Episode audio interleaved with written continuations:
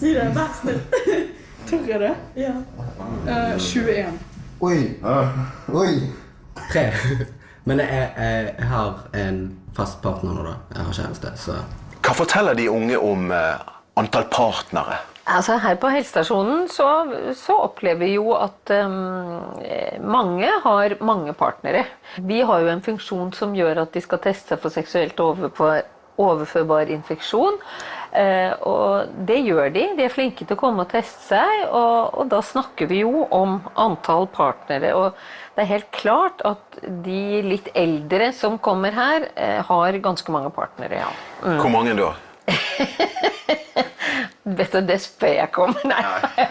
Men vi undrer oss. Vi er ikke noen moralens voktere her i det hele tatt. Men det er viktig eh, at man på en måte vet hva man gjør når man, man eh, på en måte har one night stands daglig omtrent. Sant? Så for noen, noen har det fordi at de tenker at det er deres seksualitet, at de trenger det, at det er nødvendig. Og da forsøker vi å si at kanskje ta litt vare på kroppen din eh, i forhold til å ikke være så aktiv med andre seksuelt, for vi vet jo også at det er en annen part der. Du, det, det, handler om følelser, dette her. Det handler om å, å, å, gi litt av kroppen din til en annen, og så må du Hva er partneren din? Hva er, hva er den andre part i dette her?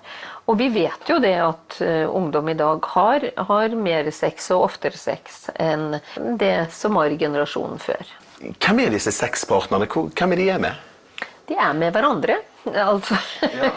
selvfølgelig. Men det, det, er jo også da vennesex. Sant? Og det er eh, Ofte så foregår nok også dette på, på fest. Sant? Og kanskje litt ruset. Eh, at man er med, med flere. Kanskje flere på kvelden.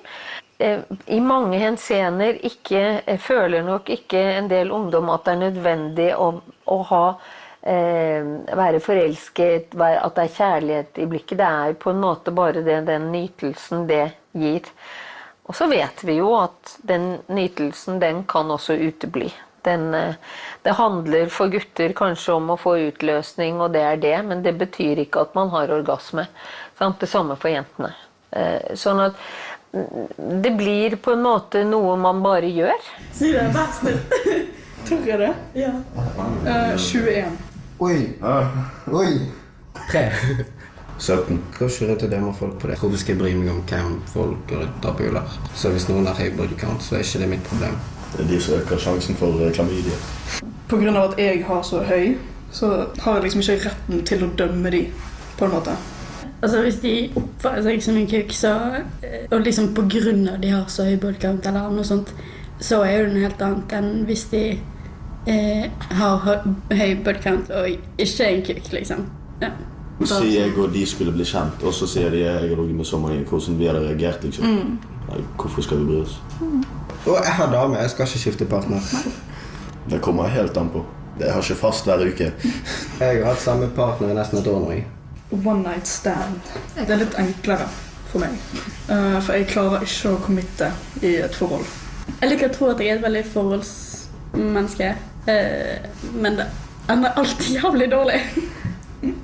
Er det tøft å ha mange partnere, mange du ligger med, eller For noen så er det veldig tøft. Eh, og for, i noen miljøer så er det ikke tøft lenger. Det kan plutselig snu. Det der at man ikke egentlig ikke tar vare på hverandre. Man benytter seg av hverandre istedenfor kanskje i forhold til hvis man er alkoholpåvirket eller sånn. At man burde bry seg litt mer om hverandre. Hva aldersgruppe snakker vi om nå, egentlig? Nei, nå snakker vi om eh, kanskje slutten av videregående skole. Sånn ish, ja. Hva er din anbefaling da til foreldre som får vite at eh, sønnen eller datteren er en som har mange partnere? Hvordan skal vi reagere? Altså Det er jo litt vanskelig da hvis man aldri har snakket om det å, å ha sex og seksualitet og, og, sånn før med foreldrene, at foreldrene plutselig skal komme og mene noe om det.